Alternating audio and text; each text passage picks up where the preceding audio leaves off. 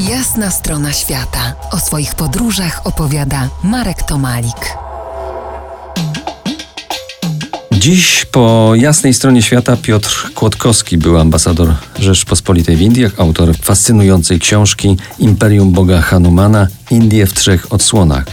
Piotrze, filmy Bollywood kręcono także w Polsce. W Zakopanem w okolicach i w okolicach Zakopanego kręcono ujęcia do filmu Fana, czyli roztopienie. Idzie o takie mistyczne roztopienie, roztopienie się człowieka w Bogu po ziemskiej śmierci.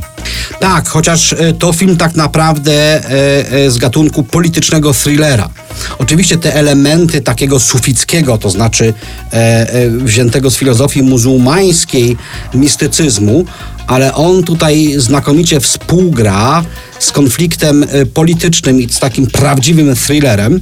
Główną rolę gra Amir Khan, no absolutne bożyszcze wielu kobiet, również Kajol, tym razem bożyszcze wielu mężczyzn.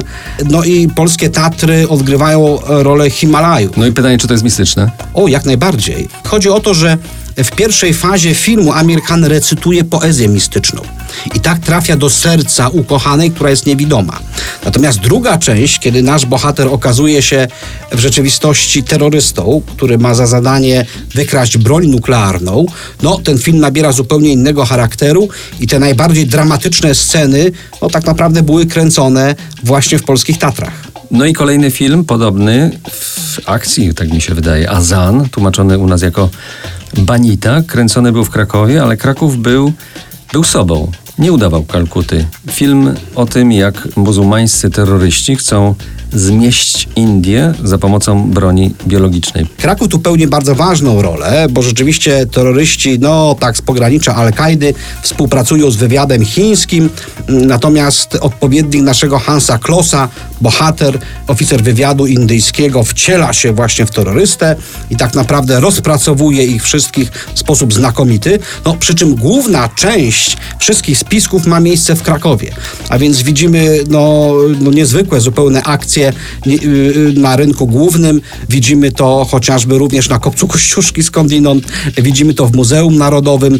Kraków jest centrum spisku chińsko-indyjsko-pakistańskiego, rzecz bardzo niezwykła. No dodajmy, że naturalnie wszystko dobrze się kończy. No i dość ciekawe, że akurat y, polskie plenery odgrywały w tym ogromną rolę. No i wspomnimy jeszcze trzeci film, Kick.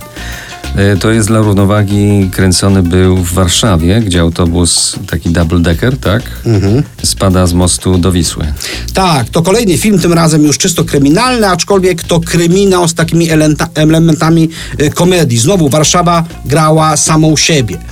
Polska staje się atrakcyjnym miejscem do kręcenia filmów. Całkiem niedawno mieliśmy znowu wizytę delegacji Bollywood, tym razem we Wrocławiu. I okazuje się, że być może Wrocław będzie kolejny na liście, a tylko dodam, że nie tylko filmy Bollywood, no bo to promocja kraju nieprawdopodobna. Proszę wziąć pod uwagę, że nagle zobaczy najciekawsze miejsca w Polsce kilkaset milionów ludzi. Nie tylko w Indiach, ale w wielu innych państwach. Również Kraków jest miejscem, gdzie kręci się reklamy.